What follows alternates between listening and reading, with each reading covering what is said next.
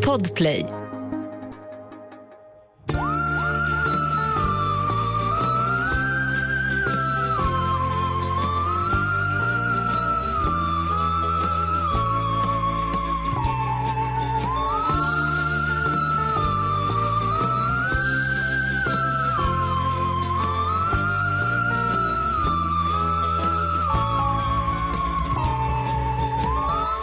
Välkomna till Mord mot mord. En true crime podcast som görs av mig, Karin André, och av dig, Anna Sandell. Precis. En sekund så tänkte jag att du hette San, San alltså att du hette San, Sandell, Sandell Anna, som jag tänker mig att du heter. Som jag heter på min Instagram. Ja. Men eh, kommer du inte ihåg att när vi jobbade ihop så hade jag ett alter ego som var Sasha Andell. Det kommer jag absolut ihåg. Så att nästa vecka kanske det är Sasha som är på besök. Men just det, men nu ska vi se. Sasha Andell var, är det bara när du är lite feisty? Ja. Okej, då kan behöver hon inte komma. Vi, vi får se. Jag gillar mer när du riktar henne mot andra, mot utomstående. Okej, ja. ja, ja. mig. Nej, alltså det ska, ju vara, det ska ju vara mot dem vi pratar om i podden. Ja, ah, just det, bra. Stackars de offren. Verkligen. Nej, nej, Nej. nej. Har du haft, eh, idag är det ju måndag till skillnad från att vi brukar podda på söndagar. Ja, Har du haft en bra helg? ja, jag har verkligen det. Ja. Eh, Marcus har instiftat en ny, en ny em, tradition som är att han varje söndag vill spela boll. Gud vad mysigt. Ja, eh, det var jättemysigt. Eller jag var inte med och spelade boll, för jag var hemma och skrev manus. Eh, men sen så grillade vi här ute, det var väldigt trevligt. Alltihop. Gud vad härligt. Men det är kul att Marcus är 30 år gammal och just har lanserat eh, att, liksom ett veckoligt bollkalas för sig själv. Men det är härligt. Men vet du vad jag tänker på ibland? Att vi pratade under hela tiden som jag var gravid att, om att vi skulle gå när Sigrid väl hade kommit så skulle vi gå ehm, ner till Bullbar i Rålambshovsparken Japp. och spela boll. Men vi har fortfarande inte gjort det så vi kanske får göra det när kommit. Just det, Ja. det gör vi. Fy fan vad mysigt eller? Det är bestämt. Och nu kanske Markus är ännu mer på den idén eftersom ha- han eh, kommer vara proffs när det Han kommer ha händer. tränat så mycket ja. Ja. ja. Och då var han ändå på ju. den redan innan tror jag. Ja, ja, precis. Jag menar inte att han varit negativt. Eh, Han har varit men så, Kanske, så jävla men kanske negativ. att han kommer vara riktigt taggad nu. Ja, Åh, nej han kommer vilja show off. Och sen kommer han bli så ledsen när Oscar ändå är en, så mycket bättre. För det visar sig att eh, Oscar är proffs på patonk, eller vad det heter på franska. Patonk. oh, tänk om Oscar blir så här, han blir sån, liksom, han blir upptäckt. Verkligen att, att det är någon som går förbi Bullbar och bara oh, that patonk arm. What a patonk arm. Oh, tänk när man var liten och liksom det var ens dröm att man bara skulle, alltså tänk vad mycket tid man la när man var liten på att drömma om att bli upptäckt ändå. Alltså, vet du, jag tänkte faktiskt på det här häromdagen för att jag såg ett klipp, eller en, en typ TikTok-video fast den var på Instagram. Där det var en tjej så här, att hon hade, du vet, härmade sig själv när hon var 14 år, att hon hade försökt se så speciell ut i publiken på en kon- konsert. Ja, att, eh, du har sett den också? Jag vet inte, men jag fattar, ex- alltså det var mer ett japp för att jag fattar exakt Ja, hur hon såg stod- ut.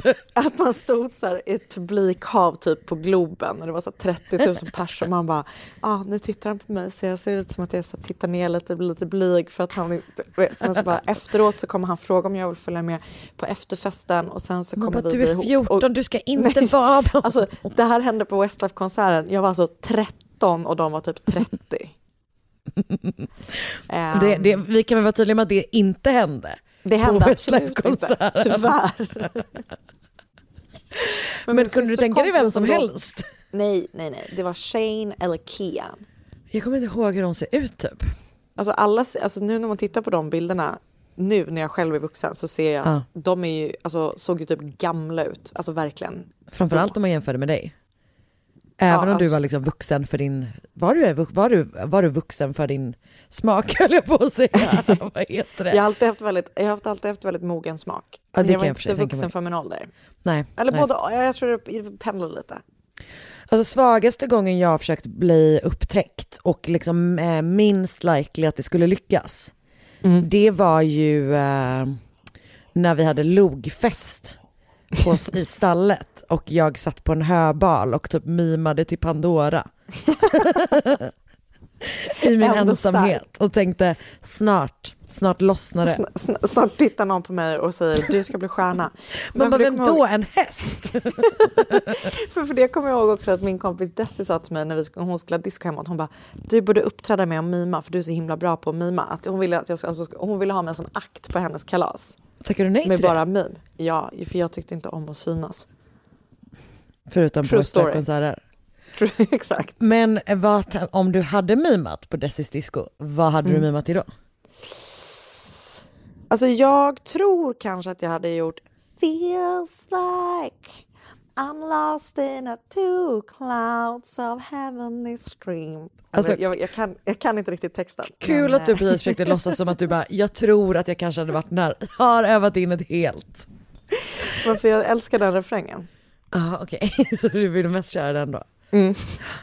Så det har jag nog gjort. Jag hade en kompis som bodde i, i Långe, Långedrag eh, Mhm. i Göteborg, där också, vad heter han, eh, gamla nazisten i Ace of Base, Ulf Ekberg. Uffe. Ja.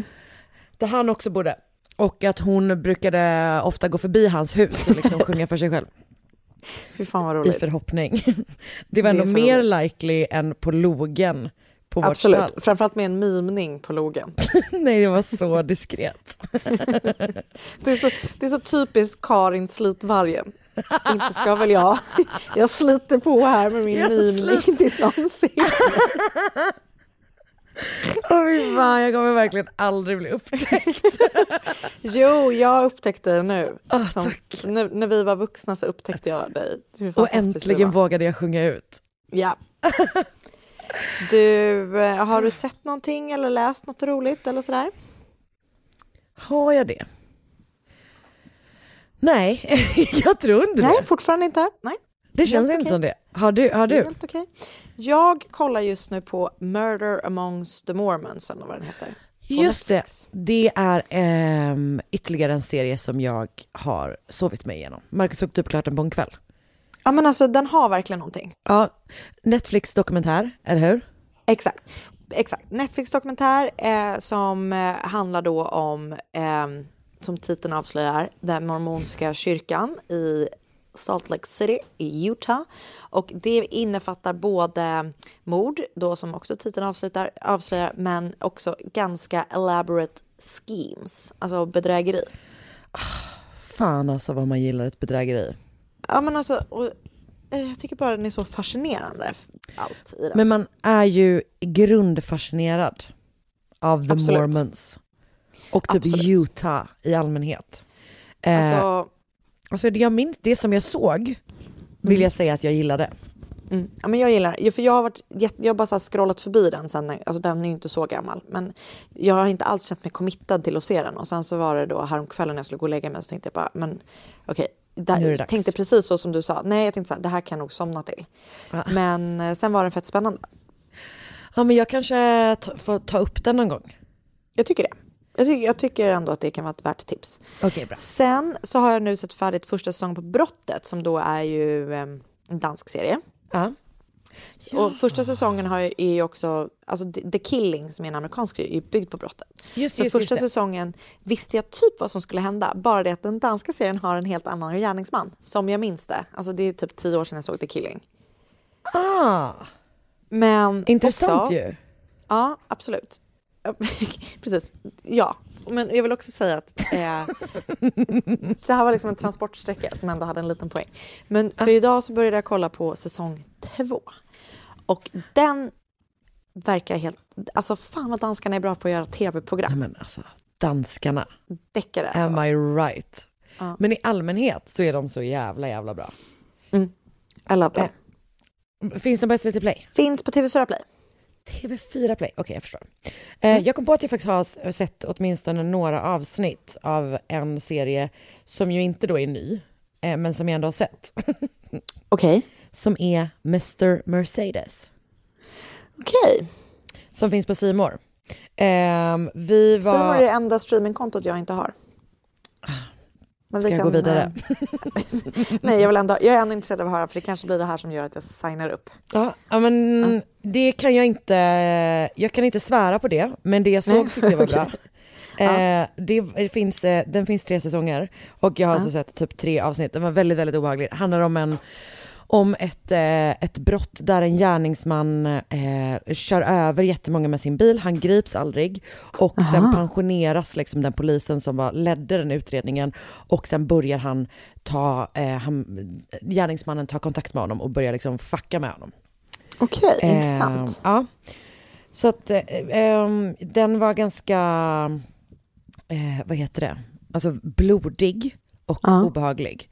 Eh, Mm. Så att om man är lite känslig för det, vilket jag då är just nu, Det är jag också. Ja. eh, så, så, så, så kan man behöva ha en kudde nära, Ja, helt enkelt. det är bra. Men ändå spännande. Det lät ändå spännande måste jag verkligen säga. Den, den kändes väldigt spännande och det vi har sett Mm. hittills eh, var liksom väldigt, eh, väldigt bra.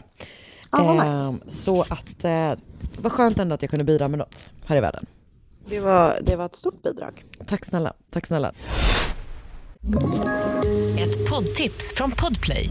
I fallen jag aldrig glömmer djupdyker Hasse Aro i arbetet bakom några av Sveriges mest uppseendeväckande brottsutredningar.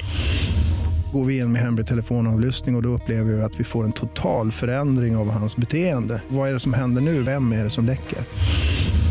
Och så säger han att jag är kriminell, jag har varit kriminell i hela mitt liv men att mörda ett barn, där går min gräns.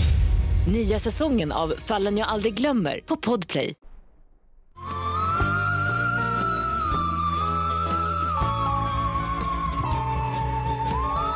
2012 kom det väldigt populära internationella tv-programmet The Moment of Truth till Peru. Eh, programmet hade gjort succé i 12 länder innan det kom dit och när eh, det kom till Peru så skulle den omåttligt populära programledaren Beto Ortiz leda showen. Fråga, Och ja, har det funnits i Sverige? nej, Okej. eh, inte vad jag har sett i och för sig. Nej, jag tror inte det. Eller har den det? Berätta, äh, du kommer nog till vad, vad det innebär. Ja. Ehm. Exakt, så kan vi kolla om vi kommer på det tillsammans. Jag ska bara slutföra den här meningen så kan Ah, jag berätta vad jag kom fram till sen. Eh, Beto Ortiz, jättepoppis programledare, han ska leda showen och i Peru så döps den till Valor de la Verdad. Som då är eh, ungefär sanningens värde, typ. På svenska. Ja, moment of, ja på, precis. Eh, däremot så hittar jag nu här, det var ju intressant att jag inte har kollat upp det här. Men då eh, är det så här, 2008. Kanal 5 gör en svensk version av skandalshowen The Moment of Truth, skriver Dagens Media. Vad hette den då? På svenska? Ska vi se, ska vi se, ska vi se. Jag hittar inte. Men på riktigt, jag hittar inte. Men det ska vara en otrohetsshow, står det. Oj, spännande. Ehm, det står inte vad den heter på svenska. Okej, Den kanske aldrig men kom. för jag, för jag, grejen är att jag tror att jag, eh, eh, du får berätta vad det är och sen ska jag se för att jag får liksom en svag känsla av att jag kan ha sett någonting. Ah, kör. Mm. Programmet gick då ut på att en person innan programmet sp äh, spelas in får komma till, alltså typ till produktionsbolaget eller till studion och svara på ett gäng frågor. Och frågorna handlar om, om allt möjligt och vissa av dem är av liksom, mer känslig karaktär än de andra kan man väl säga. Och de får svara då på alla frågor samtidigt som de är uppkopplade mot en lögndetektor. Just det. Japp. Och när de är klara med det så får de åka hem och sen så får de komma tillbaka till studion tillsammans med då tre gäster som de själva väljer ut, alltså typ så här kompisar eller föräldrar eller en partner och sådär. Och när de är tillbaka i studion så får de svara på frågorna igen. Eller eh, typ mer så här, de får välja att svara på frågan och eh, om de väljer att svara på frågan och det är samma svar som innan och det överensstämmer med att lögndetektorn säger att det är rätt, om du förstår vad jag menar Just det, ja. så vinner deltagaren pengar. Om den svarar det, så- annorlunda Mm. än vad den har gjort innan så blir den av med alla pengar som den har vunnit fram till den gången som den liksom ljuger. Och eh, när som helst kan de under programmet eh, välja att hoppa av och lämna showen med de pengarna som de har tjänat fram till den punkten. Alltså du vet typ som i Vem vill bli miljonär så kan Ja. de komma till 50 000 kronors frågan och då höra frågan men ändå sen lämna med pengarna som är liksom under 50 000 kronor. Alltså om man nu, eh, om man hoppar av, Mm. då är ju det en bekräftelse på att svaret på frågan, alltså Är, det, är precis, är Ja. dåligt ja. Mm. Sanningens ögonblick hette det. Ja, perfekt. Tack Karin. Du kunde både lyssna och göra research. Mer än vad jag kan Ja, säga. men du skulle ju prata samtidigt. Det är skitsvårt. Eh, Två saker klarar vi, inte tre.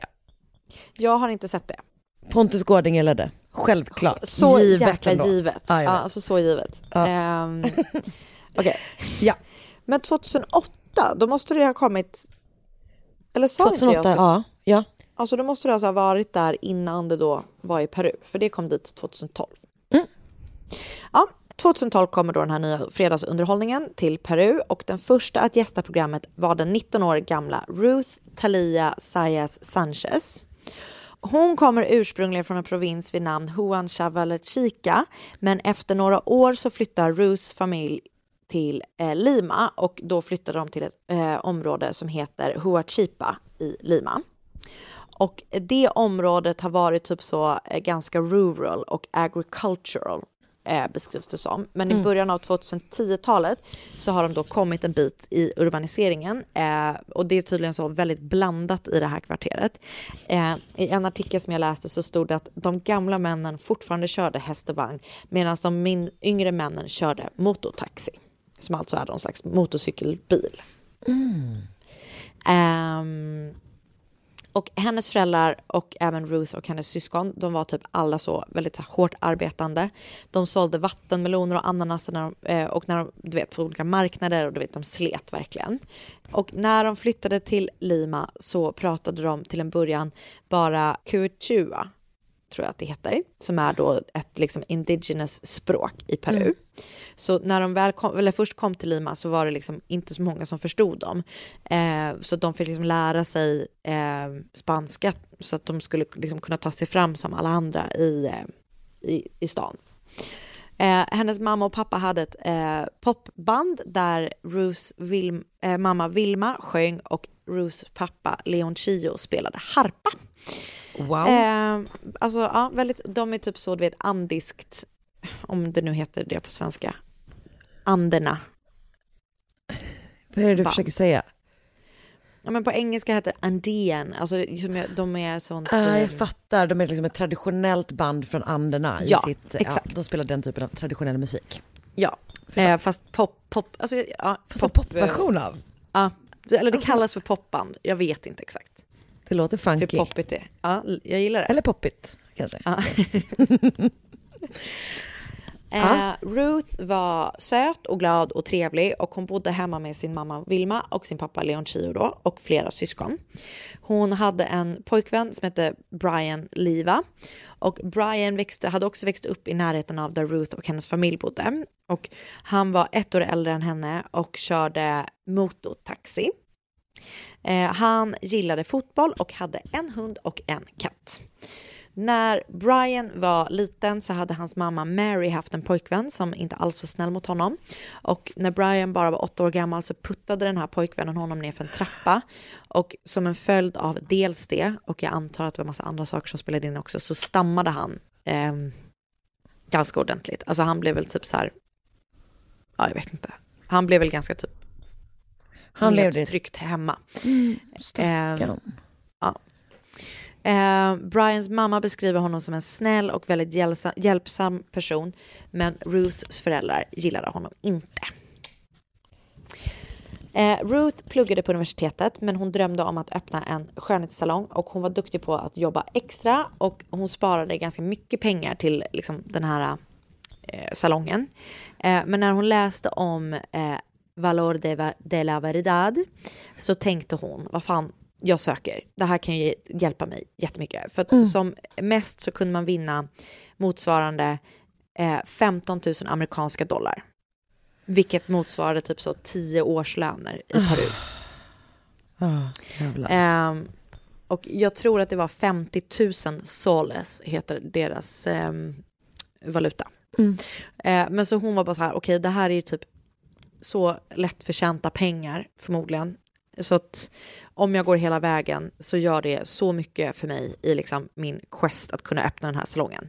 Och jag antar att det också typ skulle kunna hjälpa hennes familj och du vet så här, även om de har etablerat ett bra liv i Lima så tror jag att de liksom kämpade ganska mycket det. Okej, så med sig till tv-studion ska ju då alla deltagare ha med sig tre personer från sin närhet. Eh, Ruth bjuder med sig sin pappa, sin mamma och sin pojkvän. Och när Beto Ortiz, då programledaren, presenterade Ruths gäster för tv-tittarna så frågade han typ så, hur känns det att vara här? Så sa Leon Chio, som var då Ruths pappa, att han var lite nervös för vad han skulle höra om sin, få höra om sin dotter.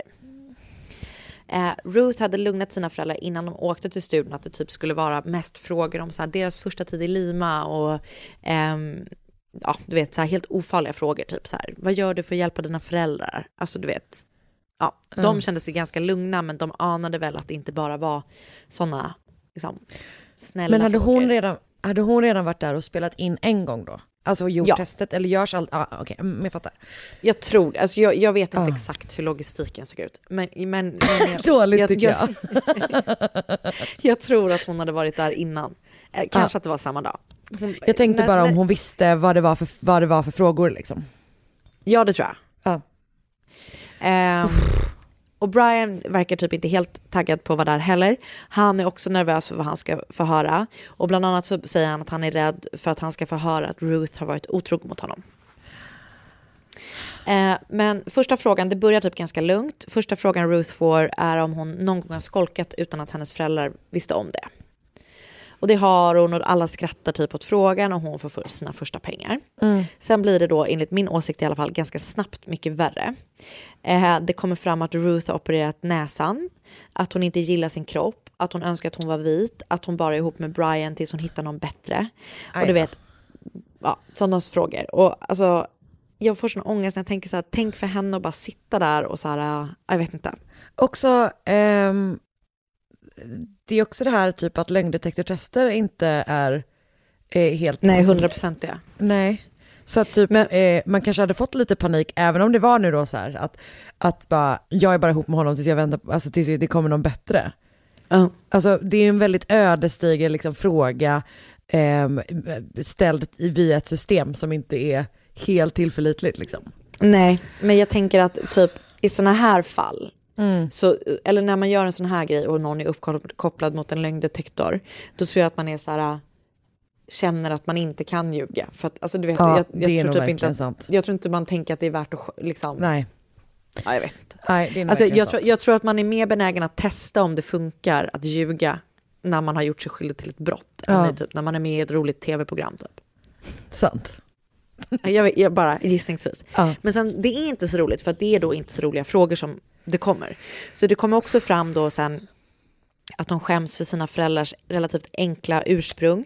Eh, och så kommer det fram att hon inte arbetar extra, där hennes familj tror, de tror att hon arbetar i ett callcenter. Eh, det kommer fram då att hon istället arbetar som dansare på en nattklubb. Ehm, hennes familj blir då mer och mer modfällda och Brian sitter typ helt tyst och liksom han säger bara så här, jag vill inte höra mer. Det Och här hennes programmet är föräldrar typ- hemskt. Alltså det är så vidrigt. Hennes föräldrar ber henne att sluta, bara så här, sluta här nu och ta pengarna. Och jag har sett delar av programmet och nu förstår jag då inte spanska så att jag förstår vad de säger. Men det är så jävla jobbigt att här, se hen, hur hennes föräldrar reagerar på allt eh, som kommer fram. Och du vet, de ser så här, de försöker typ vara så här peppiga mot henne, men du vet, det, de typ gråter ibland och så här, ja. Det är riktigt jobbigt alltså. Um, och sen så kommer då fråga 18. Och den frågan är värd 15 000 eh, soles, vilket typ motsvarar då 5 000 dollar. Och den frågan lyder då, har du någon gång tagit betalt för att ha sex med någon? Och då ser man typ så här um, hur hon typ tycker att det är fett jobbigt att de får den här frågan. De filmar hennes pappa som ser typ helt på helt spänd ut. Ehm, och sen svarar hon bara ja. Och sen förklarar hon då att det har hänt två gånger för att de har varit i så stort behov av pengar, typ hela familjen som jag tolkar det. Eh, men att det absolut inte kommer hända igen. Och hon väljer, och då är det, familjen är bara så här, snälla sluta nu, typ så här, välj att hoppa av, du har liksom de här pengarna, men hon då typ tar någon fråga till i alla fall, för att den frågan hon får efter det här är om hon någon gång har fejkat or- orgasm med sin pojkvän. Och då säger hon också ja, och det är typ så här, Också. du vet, han är typ jättesvettig när den här frågan kommer, du vet, det ja. Men också så här, det var, hur gammal sa du att hon var? 19. Ja, alltså. Nej nej, men alltså det är så fånigt. Det, Det är så dumt. Det är så dumma frågor. ah, På så, på så många nivåer. Ja. Ja. Eh, och efter det i alla fall så får hon då välja om hon vill fortsätta till nästa nivå som är då 25 000 soles och sen nivån efter det är 50 000 soles. Hon är liksom bara två frågor från toppen. Eh, men hennes familj då, som jag tolkar det då på deras uttryck och tonfall i den här spanska eh, avsnittet som jag har sett, vädjar typ henne att sluta. Och då väljer hon att bryta programmet. Så hon lämnar då programmet med 15 000 soles som ändå är liksom, det är ändå mycket pengar, det är 5 000 dollar. Det, det kommer ändå hjälpa henne liksom, en, en ganska bra bit på vägen. Eh, en månad efter att de har spelat in programmet så eh, sänds det på tv och showen blir en hit. Eh, tittarsiffrorna är skyhöga, men för Ruth är ju då, det är inte en hit livet efter. För att alla i familjens kvarter typ skvallrar om vad som har kommit fram i showen, du vet de tittar på dem och så viskar och du vet. Brian, Gråta av det här. Ja, men det är så jävla sorgligt. Eh, Brian och Ruth gör slut efter programmet och eh, även Brian stöter på sig mycket hån från folk efter showen. Och jag läste någonstans att typ så här, han, det är en sån machokultur eh, och han typ framställs som värsta, du vet, mesen som typ inte haft pli på sin kvinna. Alltså du vet, det är ju också helt stört. Men så att han, du vet, vid något tillfälle så typ blir han hånad av en hel skolbuss med ungdomar och du vet, han blir så här också riktigt utsatt. Så han bestämmer sig för att han ska försöka få ersättning från det här tv-bolaget. Eh, efter det, eller ersättning för det lidande då han har fått utstå eh, efter showen. Så han tar vid ett tillfälle med sig sin eh, farbror som heter Redy Leva som tydligen har pluggat juridik. Så han tar med sig honom till tv-bolaget för att kräva ersättning. Och det verkar som att han först typ säger att han vill ha en liten summa och så får han det. Och så fortsätter han liksom att pusha det så här. Det. Men alltså, det blir inte så jättemycket pengar. Men, han, men det verkar som att han ändå typ lyckas få lite grann som jag, som jag förstår det hela. Eh, han blir också intervjuad av liksom flera olika typ tidningar eller tv-program och så här, i no- olika medier. Och i en intervju så berättar han att han skäms så mycket efter det han fått höra och att han aldrig kan förlåta Ruth för det hon erkände på tv.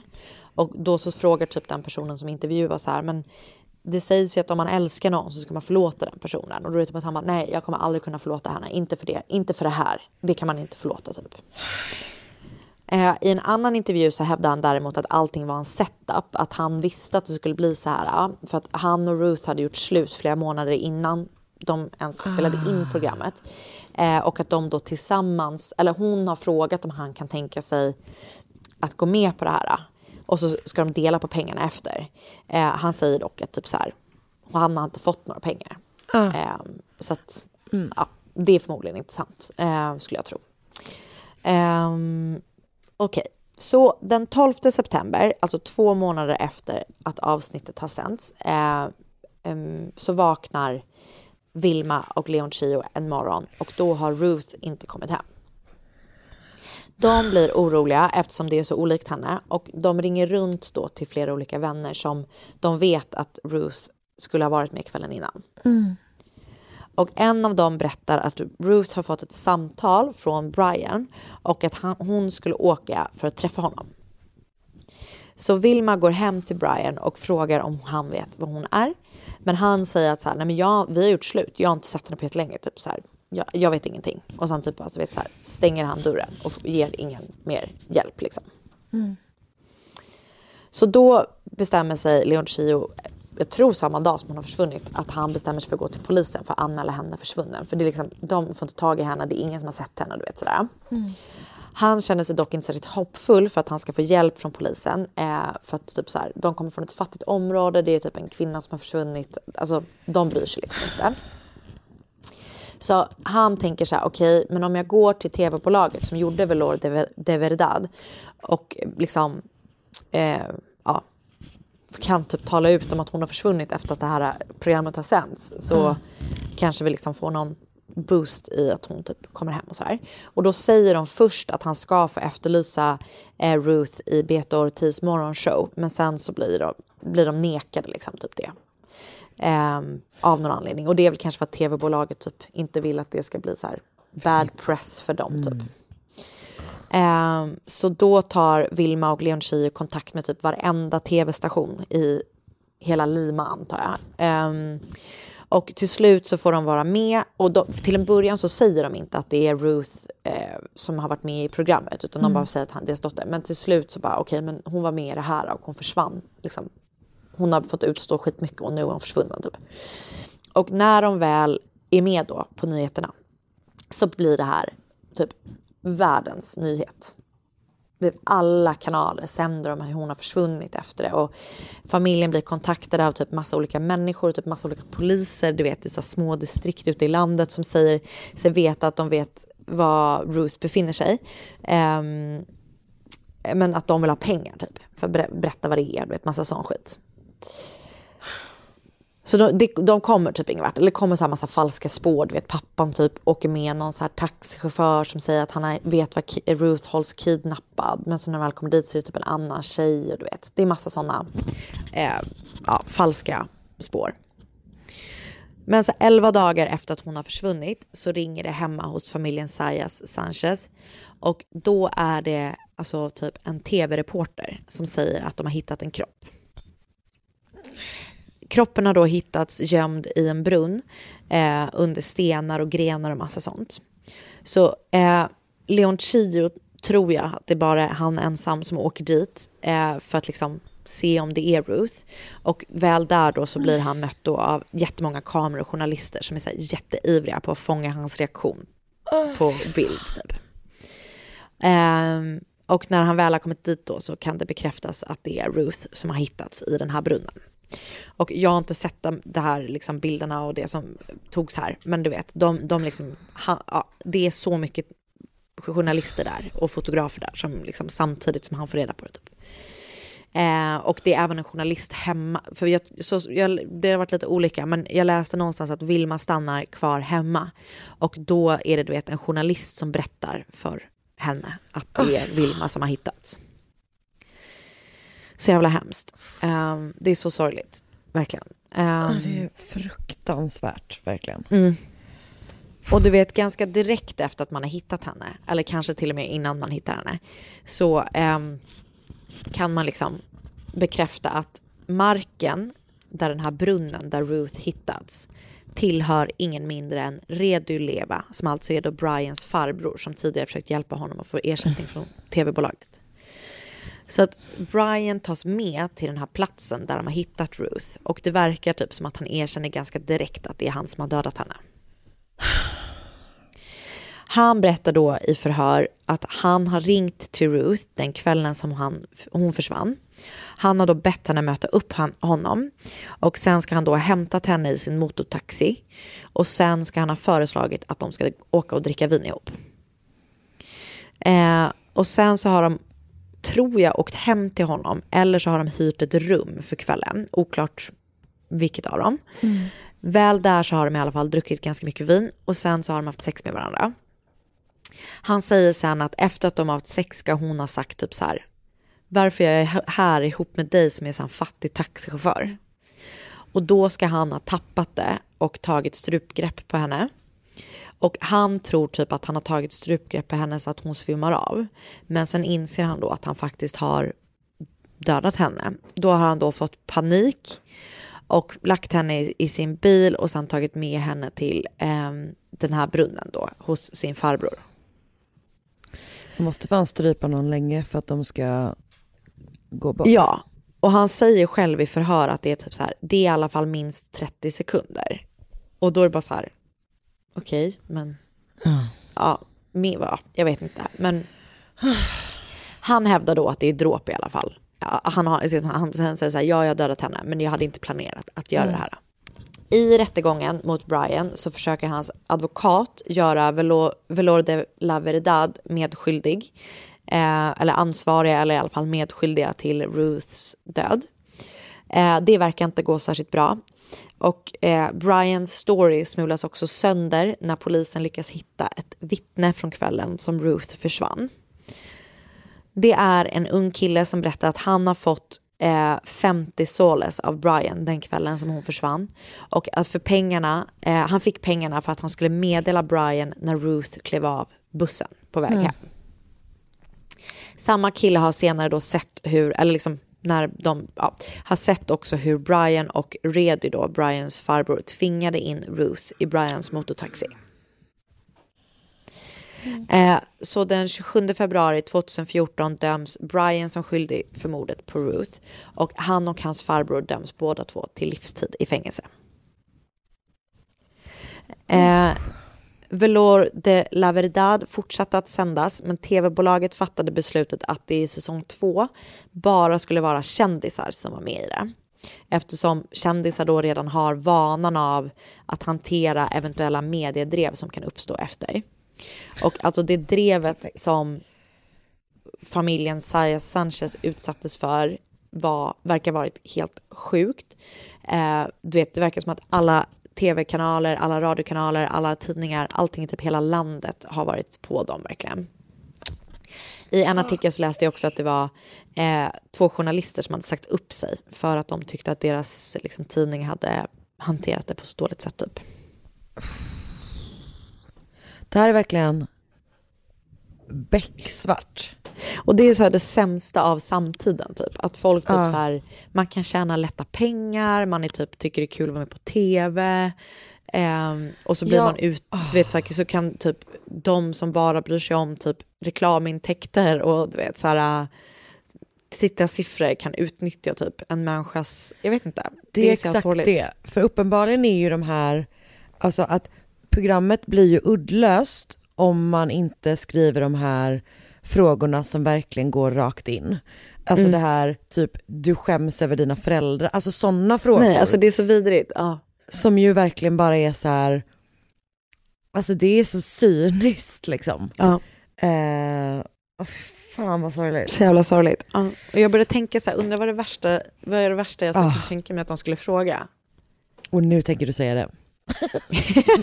Men bara om jag får 15 000 soles. det får du. Nej men, Nej, men den eh, är, det är så jävla sorgligt och det, jag vet inte, det är bara så här, och just där, hon ville bara skaffa sig en bättre framtid. ja. Alltså det var liksom det enda.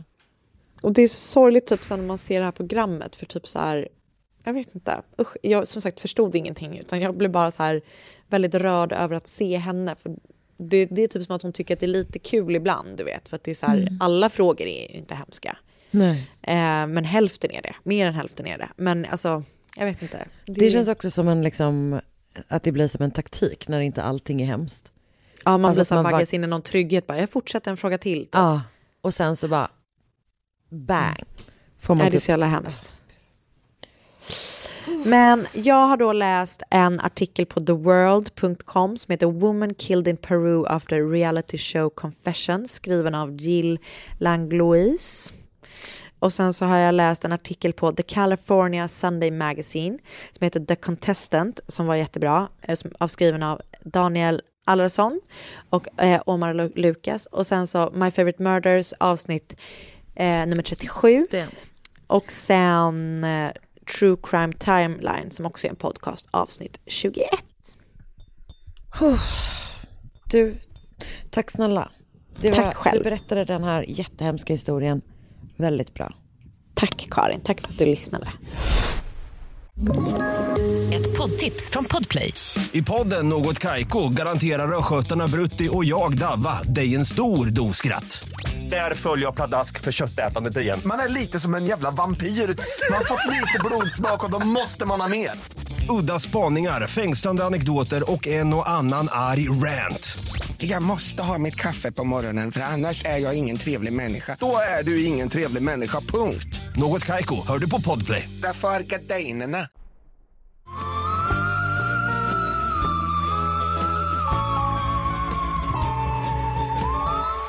Ska vi gå rakt på? Ja, go for it. Credonia Muerinde föddes 1952 i sydvästra eh, Uganda. Följande vet jag om hennes uppväxt. Hon hade flera syskon. Hon hade några syskon helt enkelt. Ja. Varav en syster som heter Evangelista dog tidigt. Eh, och så vet jag att hennes pappa hette Paolo Cachaco och han var väldigt liksom, troende katolik. Så att de uppfostrades helt enkelt eh, katolskt. Och när Credonia bara var åtta år gammal så berättade hennes pappa att han hade mött Evangelista, eh, som då hade hunnit gå bort, eh, i en syn. Och hon hade då berättat för honom att han nu skulle liksom börja ha religiösa uppenbarelser. Jaha. Eh, så att under hans liv kom han liksom lite löpande så att säga. Jesus, Maria, även Josef ibland. Okej. Hela familjen. Ja. Eh, Credonia jobbar bland annat med att brygga någon slags bananöl. Hon driver sin egen bar. Gud vad äckligt! det är, din, är det din mardröm? Hur då? Hur går det till? Banana beer. det? Är det? Ja. Vad sjukt. Eh, Okej, förlåt. Det lät så äckligt. bara. Okej. Att kräktes lite här munnen. Eh, Det här, här beskrivs det eh, så här. The taste, det här är från winepair.com. Both sweet and sour with a very strong alcohol flavor, a bit like unfiltered apple juice combined with a healthy dose of vodka. Usch, Wow. inget för mig. Eh, Men hon gör det. Ingenting för dig. Hon gör det, precis. Och eh, eh, hon driver också typ en egen bar. Hon arbetar också eventuellt under en period med att sälja sex. Det kan också vara någonting hon hittar på för att Okej. liksom senare kunna ha en historia som mer liknar då Maria Magdalena som man ju, det finns Ah, ja, ja. teorier om Mm. att hon var eh, sexarbetare. Smart. Eh, ja. Och hennes liksom, religiositet kommer att intensifieras under 80-talet i takt med att hon också börjar få eh, ja, men syner, liksom, uppenbarelser. Det är så man- praktiskt att alla har det. Ja, jag vet. Det, det, och det är så svårt att faktakolla. Ja. Och så, så ovanligt att det är så många i en och samma familj som Ja. har det ändå. Men man kanske, det är ärftligt kanske? Mm, antagligen. Ehm, så att det börjar med att hon ser jungfru Maria i en grotta. Ah, Och sen efter det så går hon med i någon slags rörelse som är just liksom dedikerad jungfru Maria. okej. 1989 så träffar hon en man som heter Josef Kibwetere och Josef lever tillsammans med sin fru och sina barn i, eh, också i sydvästra Uganda, så att liksom samma område som hon har, har rört sig i. Jag tror att han eh, bor ganska nära den här grottan där hon har sett eh, Maria Magdalena, nej, Jungfru Maria första gången. Ah, Ehm, så att eh, han är då en person som är lite äldre än henne. Han är någonstans mellan 20 och 12 år äldre. Det har stått lite olika. Han har en stark, eh, en väldigt stark katolsk tro, han också. Han har varit aktiv inom politiken och försökte 1980 liksom run for local government. Ehm, Aha. och han har senare också startat en, en ortodox katolsk skola där han har varit rektor. Härligt. Han är helt enkelt en person som har en del pengar och som också har, liksom, han är well connected. Mm. Han har också, Powerful guy. ja men han, exakt, han har ändå, det verkar som att han har det ganska bra ställt liksom. Mm. Eh, han har också religiösa uppenbarelser. Så, så sjukt. Och så hittar de varandra. Ja jag vet, de hittar verkligen varandra. Så att han, han har då börjat se Jungfru Maria 1984 och eh, eh, de här två, you guessed it, blir ju helt betagna av Ja. varandra. Eh, Josef bestämmer sig för att det finns bara en sak att göra här och det är att flytta in Credonia i min familj. Det enda vettiga. Det är, är verkligen det enda vettiga och det tycker dock inte hans fru och inte heller hans Nej. barn är eh, super. Eh, och inte bara då för att hon flyttar in utan för att hon också börjar styra och ställa väldigt mycket. Jaha. Hon eh, är väldigt, väldigt liksom strikt och in, instiftar massa regler för familjen och när någon eh, går emot henne så blir hon våldsam. Du fattar. The worst. Eh, men Josef är tokig i henne och tillsammans kommer de då att starta sin egen religiösa rörelse. Får jag fråga en sak? Är du Är de beredd? tokiga? Mm. jag är beredd, om jag får ställa den frågan. Är de tokiga i varandra på ett kärleksmässigt plan eller bara religiöst plan? Lite oklart. Det finns eh, teorier om att, eh, för jag tror att hans fru efter ett tag lämnar, om jag förstått rätt, och att det då är inspir- alltså en del av det är att hon misstänkte att de hade en, en eh, relation. Okej. Ja. Ehm, men nu kommer deras, eh, vad deras religiösa rörelse som de startar heter. Spänd. The Movement for the Restoration of the Ten Commandments of God. Bra. Bra. Och de är liksom inte ensamma om att så här, ha en, eh, som att sätta igång en ny religiös grupp i just de här delarna av Uganda vid just den här tiden. Nej. Utan i slutet av 80-talet och början av 90-tal- 90-talet så blir, är liksom, eh, är det fullt av så här, mindre, väldigt dedikerade religiösa grupper. Mhm. Och vissa av dem blir liksom typ som rebellgrupper, alltså beväpnade, mer, mer, mer den typen Aha. av grupper. Medan andra I, då, i, I religionens namn. Ja, eller med liksom re- religiös bas eller sådär. Ja. Eh, och eh, andra blir då, all andra blir kanske vanliga religiösa rörelser också. Men sen har vi ett tredje alternativ, det vill säga sekter. Och det Ja. är i sektlandet vi kommer röra oss nu. Härligt. Eh, Du vet att jag gillar det. jag vet, och det var länge sedan. Det var länge sedan. Det var hög tid. Ehm, så att det finns liksom ett gäng, eller det finns teorier om varför det är så mycket eh, grupper i just de här delarna av Uganda just vid den här tiden. Ehm, Och delvis är det då att man kommer ju, man har ju liksom 70-talet i ryggen, det vill säga när Idi Amin eh, styrde landet och var, i- var ju en fruktansvärt liksom, brutal ledare. Ehm, under, det, jag tror att han eh, hade makten i nio år, under, vilken, under vilka mellan 100 och typ en halv miljon människor mördas. Och sen går man in i 80-talet och då eh, har man ju aids-epidemin som slår jätte, jättehårt liksom. Så att eh, väldigt många har ju närstående som har mördats av antingen liksom eh, Idi Amin-regimen eller av eh, i aids liksom. Eh, Och samtidigt då så, ehm, alltså Uganda är till nästan 40% katolskt och i de här delarna är katolska kyrkan extra stark men under den här tiden så drabbas kyrkan av liksom flera så skandaler vilket gör att den är försvagad med den traditionella kyrkan. Vilket jag tänker också, det är väl också då alltså på ett globalt plan som katolska kyrkan ehm, har lite problem om man säger så. Ja, Det känns som att det är under den tiden. Eh, det precis. det kan vara källa-feeling på det. Det, det, men jag tror att den är ganska accurate, Ja. feelingen. Okej, bra. Ja. Tack. Och vad baserar du det på? Källa Min din egna feeling. Ja, exakt. Bra. Eh, nej men så samtidigt som det är ett sånt läge då där människor liksom traditionellt sett söker sig till religion, så, eh, det vill säga att ett helt land har utsatts för helt fruktansvärda prövningar under jättelång tid, förlorat så många närstående, så har liksom deras, så här, den kyrkan man vanligtvis kanske fått tröst i, eh, har liksom svikit. Det finns helt enkelt utrymme att dra igång sin egna lilla. Jajamän. Mm. Eh, och det gör ju då Credonia och Josef och eh, de har då satt igång i Josefs familjs hus och det går ganska snabbt, ganska bra för dem. Eh, De får med sig så ganska många profilerade präster och nunnor från just den katolska kyrkan. Okej. De får en riktig vinstlott när de rekryterar superstjärnan Dominic Kataribabo. Väldigt populär Jaså? katolsk präst med hög status. Eh, Berätta mer om hen. Eh, han har, eh, det som jag läste om honom är delvis att han som sagt var populär och typ karismatisk och folk tyckte om honom. Och att han har pluggat i USA. Eh, Okej. Och att det verkar som att, jag är lite osäker på om han har blivit liksom derobed, om man säger att han har blivit Ja. utslängd från kyrkan. Eller om han har lämnat på egen hand.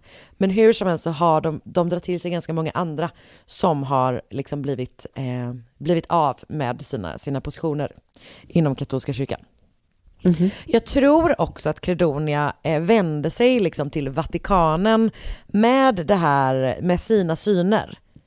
Att hon nu då Okej. när hon började hänga med, med jungfru Maria hela tiden, att hon var så här, hallå, jag har en liten grej jag skulle vilja berätta, men Vatikanen var typ inte så intresserad av henne.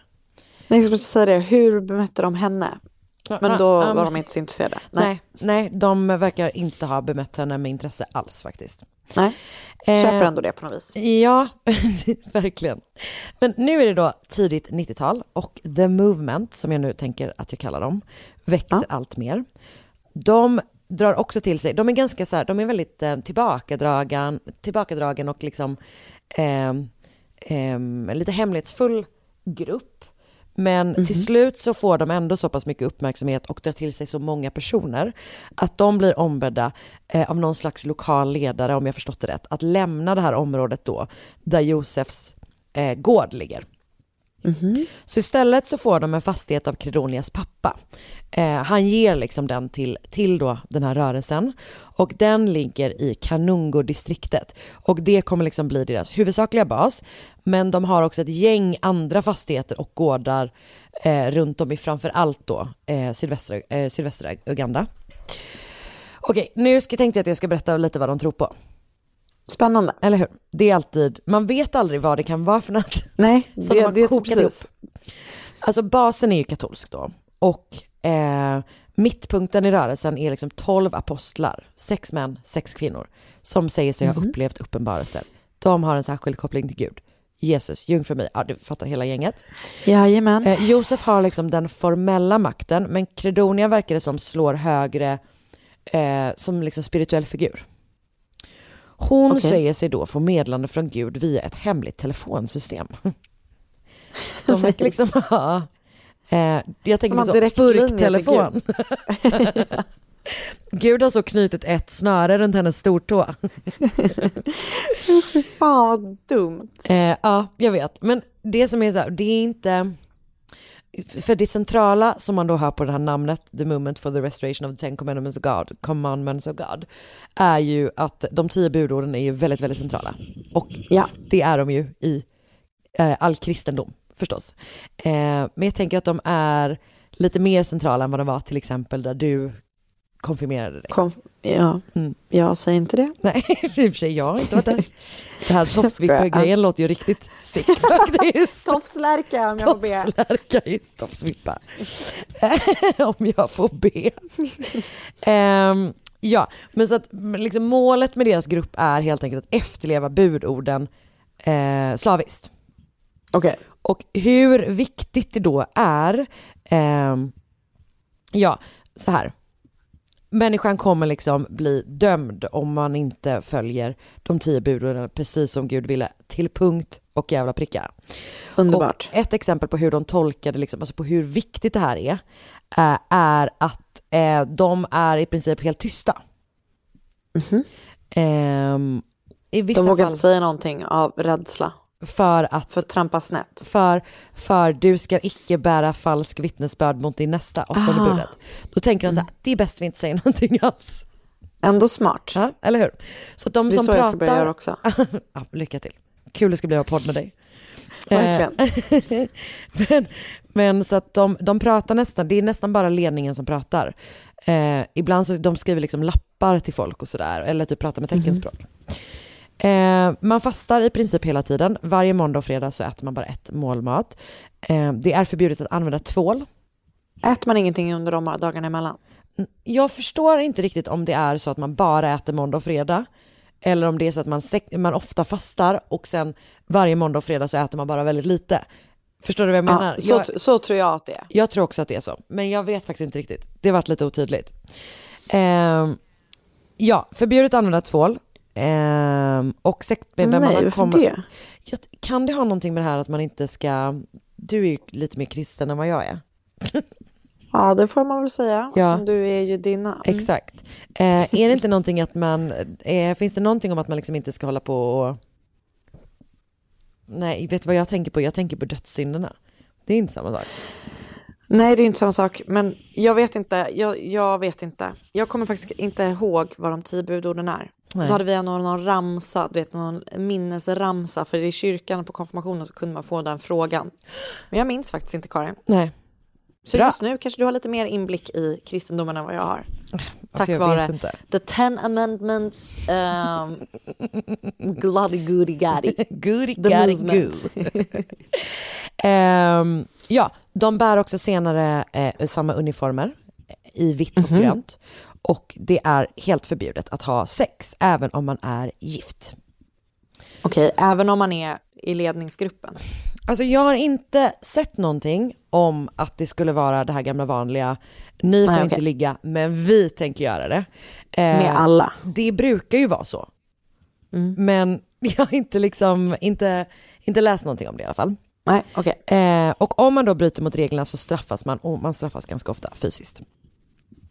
Man rekryterar eh, inte hela familjer eller par helst, utan man vill då helst ta enskilda individer från sina anhöriga. Det finns också en hel del historier om att typ en mamma tar med sig typ sin dotter och hennes barn. Eh, men inte så att man liksom tar ett, ett, ett, en hel familj liksom. Inte, en, inte ett par typ. Eh, och de få par som finns separerar man gärna och man tar också gärna barn från sina föräldrar. När man då går med i den här gruppen så uppmanas man då förstås att sälja alla sina ägodelar och ge de pengar man har till sekten. Eh, och gårdarna som de äger och liksom är verksamma på ligger ofta, det är ofta så stora plantage. Och det är då Okej. standard för medlemmar att väckas vid tre på natten, be ett par goda timmar och sen bruka jorden på fälten. Usch vad jobbigt det låter. Ja, jag vet. Så gå upp så himla tidigt. Ja, och sen ut och bruka. Ja. ja. Ain't for me, honey. Jag tror också jag hade haft problem för att jag hade somnat under bönen. Alltså om man det, om man gör det på ett smidigt sätt så tror jag att eh, Ja, man kommer undan då. klarar man sig. Okej, bra. Eh, Okej. Det som Säger jag, vad vet jag? Jag har inte ens varit där. Du är en så slapp säckledare. eh, men det som händer är alltså att de här medlemmarna helt förlorar kontakten med sina anhöriga, såklart. Som alltid Mm. målet är. Eh, de är liksom helt isolerade till gruppen och dessutom är de ju då utfattiga. Så att även om de vill dra så har de gett alla sina, till, till, alla sina tillgångar till, till den här gruppen. Nej, men så det är ju liksom ett toppenläge för att kontrollera dem, helt enkelt. Mm. Ehm, Okej, nu går vi vidare på nästa steg i eh, den naturliga sektautvecklingen, domedagen. Jajamän. Eh, så ledarna predikar då att de har fått reda på från, på från Gud att domedagen ska komma och ehm, de har liksom en lite annorlunda take på det här, för ganska ofta så tänker jag att det är eh, att en sekts medlemmar, att man kanske ska begå ett, till exempel ett kollektivt självmord så att man ska Mm. komma till himlen. Men de tror att eh, ett mörker kommer sänka sig över jorden och sen kommer stenar och ormar regna från himlen och döda alla som inte följer då Guds bu- budord. Men fy. Och efter att det är över så är då the movement eh, for the restoration of the ten commandments of God-medlemmarna eh, de enda som är kvar. Så Ah, att det är snarare så att det blir paradiset på jorden än att de ska iväg någon Än, annanstans. okej. Ja. Ja, lite ny take. Eh, eller hur? Fräscht. Och när de är som allra störst, vilket är 97, så har de 5000 registrerade medlemmar. Ja, ändå. Ja, stora ju. Och som sagt, de finns, de finns på ett gäng olika fastigheter. Liksom. Ja. Eh, och året efter, alltså 98, så gör re- regeringen en utredning av den här gruppen eftersom de då anklagas för att använda sig av barnarbete, ha barn boende i unsanitary conditions och också för att ha kidnappat barn, vilket jag tänker kan ha att göra med, alltså delvis då att folk tar med sig barn när de Ja. joinar, men också att de tar barn ifrån sina föräldrar. Usch vad hemskt. Eh, och trots då att det finns flera rapporter från avhoppare så händer ingenting och Credonia och Josef och de andra kan liksom fortsätta som innan. det är Eh, så intressant. Ja, jag vet. Så de gör liksom How en, is it possible? en full scale utredning. Men de verkar som att de liksom verkligen, verkligen håller låg profil. Eh, Det, de, det är ju den enda vägen att gå. Ja, ja verkligen. Eh, de håller liksom inte på och vara, de är inte så stökiga. Också för att de är helt tysta uppenbarligen. Ja. Fast man hör dem inte. De verkligen- bara tassar förbi. de sitter i ett hörn och mimar till Pandora. ja, verkligen. Det är du. Det är, du. Det är, Det är sektform. Det är du i sektform. Jag vill vara tydlig med att det, det är, kanske är det nu. Jo, Okej.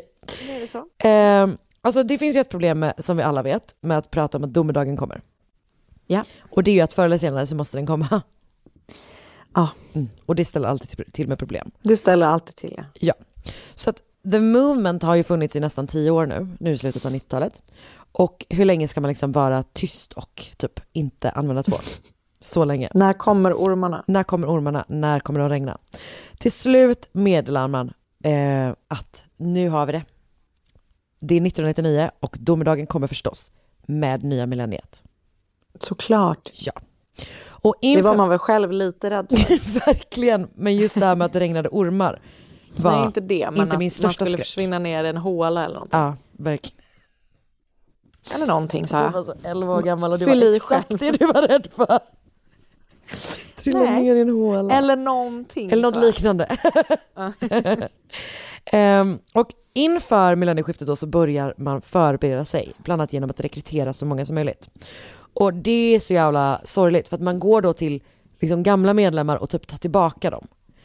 Vilket gör att typ ganska många som så här har fått ut sina anhöriga och att de inte typ bor med sekten längre eller att de har kanske kommit Nej. på andra tankar får liksom se dem lämna igen. Och eh, en sån person är 61-åriga Dementira Shashano som då är en sån person som tar med sin dotter och hennes sju barn i augusti 19, 1999. Trots att hennes man Jakob försöker hindra henne från att åka. Och en annan är Maria Goretseki Bibi som är 54, gå- 54 år gammal och hon lämnar sin man Claudio utan att ens säga hej då den 22 december 1999 och ingen av dem kommer att återvända.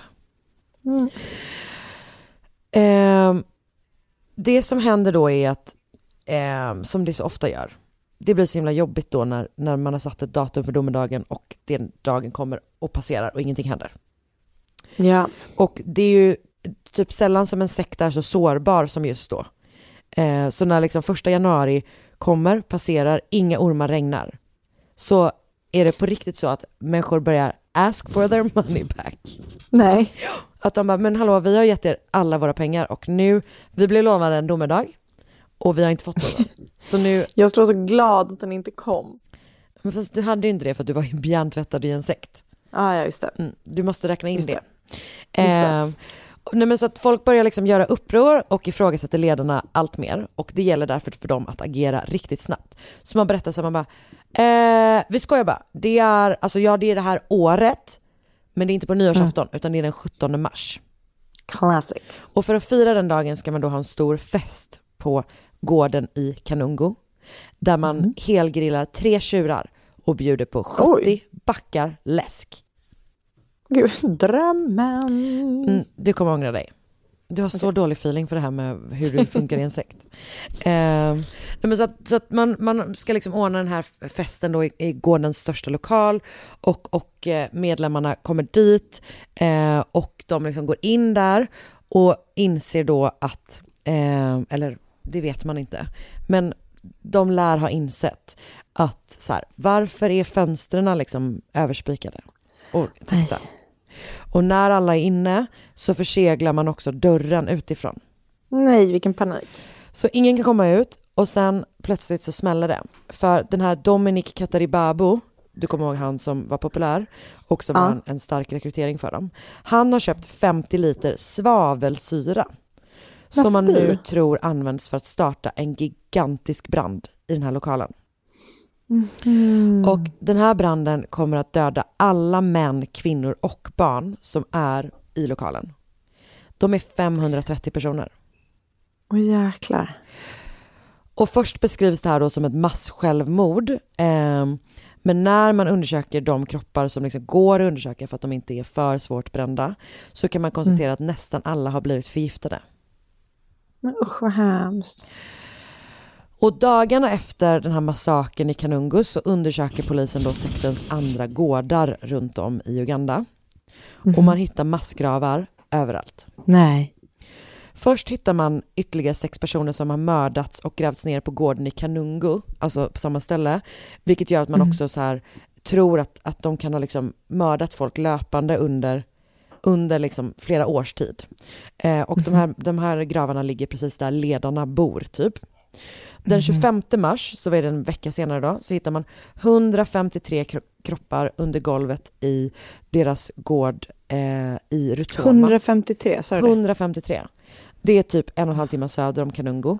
Två dagar senare hittar man 155 kroppar på Dominic Kataribabos gård i Rugatsi som är typ tre timmar norrut. Tre dagar efter det så hittar man 81 kroppar i, Rushoi, eh, i Rushoiva som är typ eh, tre och en halv mil nordöst från Kanungo. Och den gården ägs då av Josef. Men Okej. det är inte slut där, utan den 27 april så hittar man i en massgrav i landets huvudstad Kampala ehm, som kan knytas till liksom, sekten, där man hittar 55 kroppar. Och när man undersöker kropparna så kan man konstatera att de har förgiftats, strypts, misshandlats och knivhuggits, knivhuggits till döds. Och Men många fy. av dem har dött, alltså de har dött liksom eh, de tre veckorna innan massakern i Kanungo. Så superaggressivt, vad hemskt. Alltså fruktansvärt. Och det är ju det här som, som man ofta ser att när de här galna jävla sektledarna tappar makten Mm. Så liksom är det så här, då är det bättre för dem att deras anhöriga dör än att de kanske, äh, an, anhängare dör, än att de typ kanske lämnar dem, att de ska tappa makt. Mm. Och det är jättesvårt då att identifiera offer och i fallet med branden så är alltså ganska många kroppar väldigt, väldigt illa tilltygade. Men man tror att eh, ungefär 924 personer mördas eller dör på grund av the movement for the restoration of the ten commandments of God. Och Gud. det gör den till en av de absolut mest dödliga sekterna i världen. Eh, vilket ju är i linje med, men liksom strax över Jonestown-massakern i antal offer. Mm. Först så tror polisen att alla ledare har dött tillsammans med sina följare i branden i Kanungo. Men man börjar misstänka att så kanske inte är fallet. Det Okej. finns typ överlevare, alltså folk som kanske så här har varit på gården men har lämnat på morgonen, eller du vet liksom att, att man inte har gått till festen eller man har missat lite sådär. Den typen Mm. av vittnen eh, pratar om att, att eh, de har sett då både Credonia eh, Morende och Josef Kibutere, eh, att de liksom inte har följt sina undersåtar i döden. Så att den Nej, okej. 6 april år 2000 så gör man en sån internationell efterlysning efter de båda och ytterligare fyra ledargestalter inom rörelsen. Men ingen av dem har någonsin gripits. Och eh, det sista jag hittade är att 2014 så gick Ugandas polis ut med eh, att de hade fått vittnesmål om att Josef gömde sig i Malawi. Så det var då sjukt. historien om the movement for the restoration of the ten commandments of God. Det var ju något helt, en helt ny sekt. Jag vet, och det är en helt ny sekt som är typ en av de absolut, alltså som har liksom bland de högsta dödstal, dödstalen i hela världen. Eh, Det jag menar det, det är så konstigt. Ja, det är ju för att vi är så jävla västerländska i våra medierapportering. Men, men ja, jag håller helt med. Det Men jag menar ju, det kanske man- är konstigt, det är konstigt kanske ändå att Inte ens vi- du och jag, Nej jag menar det. Som ändå liksom så jävla mycket Varenda vecka letar efter något riktigt sjukt att prata om. Ja, och typ så här har läst och lyssnat så jävla mycket. Eh, och sen bara sn- snubblar man över det här och blir liksom bara eh, i hela jävla huvudet. Ja, det var chockartat. Eh, och jag har läst, då läst ehm, en New York Times-artikel av Ian Fisher som heter Ugandas Coats Mystique Finally Turned Deadly. Eh, ett par BBC-artiklar, eh, Quiet Cults Doomsday Deaths, Death Cult Activities Ignored and Cults Why East Africa, som är liksom en större take då på eh, varför det fanns så mycket sekter i östra Afrika under den här tiden. Jag har länkat till samtliga, men de är så gamla att det typ inte finns någon, eh, något, någon journalistnamn, någon byline på dem. Nej. Och sen så har jag läst ABC News-artikeln Uganda, Religion That Kills av eh, Logan Nakyansi, en UGPulse.com-artikel av Gerald Businge som har, eh, har rubriken Seven years since the Kanungo Massacre och så ett helt gäng olika Wikipedia-sidor. Shit. Ah. What a, what a thing. Ja, vilken jävla historia va? Mm. Och ehm, jag känner mig matt nu. Ja men jag med. Båda två var Vilken tunga resa. jävla historier på två helt olika sätt typ. Alltså verkligen. En av veckan när man känner Det sig var- superledsen efter att ha pratat med dig. Nej. Jag känner mig både glad och ledsen måste jag säga. Ja, ja, jag vet. Det är det Som som det alltid. känns. Eh, hoppas att ni mår bra fastän ni också säkert känner er ledsna. Eh, ni som lyssnar alltså. Precis. Och hoppas att vi hörs nästa vecka. Då vi som vi numera vanligt släpper på Podplay. Eh, Precis. på onsdagar, på alla andra plattformar, på torsdagar. Och om man vill fortsätta lyssna på våran podd på sina vanliga onsdagar så eh, skapar man helt enkelt konto på Podplay. Det är gratis. Det är Gratis. Man behöver betala för. Så lyssnar Det är man på, gratis och toppen. ja, och så lyssnar man på podplay.se eller i appen. Exakt. Eh, ja, Det var väl allt för den här veckan. det var det hela. Tack. Tack, hej! Hej då. Ett poddtips från Podplay. I podden Något Kaiko garanterar östgötarna Brutti och jag, Davva, dig en stor dos skratt. Där följer jag pladask för köttätandet igen. Man är lite som en jävla vampyr. Man har fått lite blodsmak och då måste man ha mer. Udda spaningar, fängslande anekdoter och en och annan arg rant. Jag måste ha mitt kaffe på morgonen för annars är jag ingen trevlig människa. Då är du ingen trevlig människa, punkt. Något Kaiko, hör du på Podplay. Därför är gardinerna.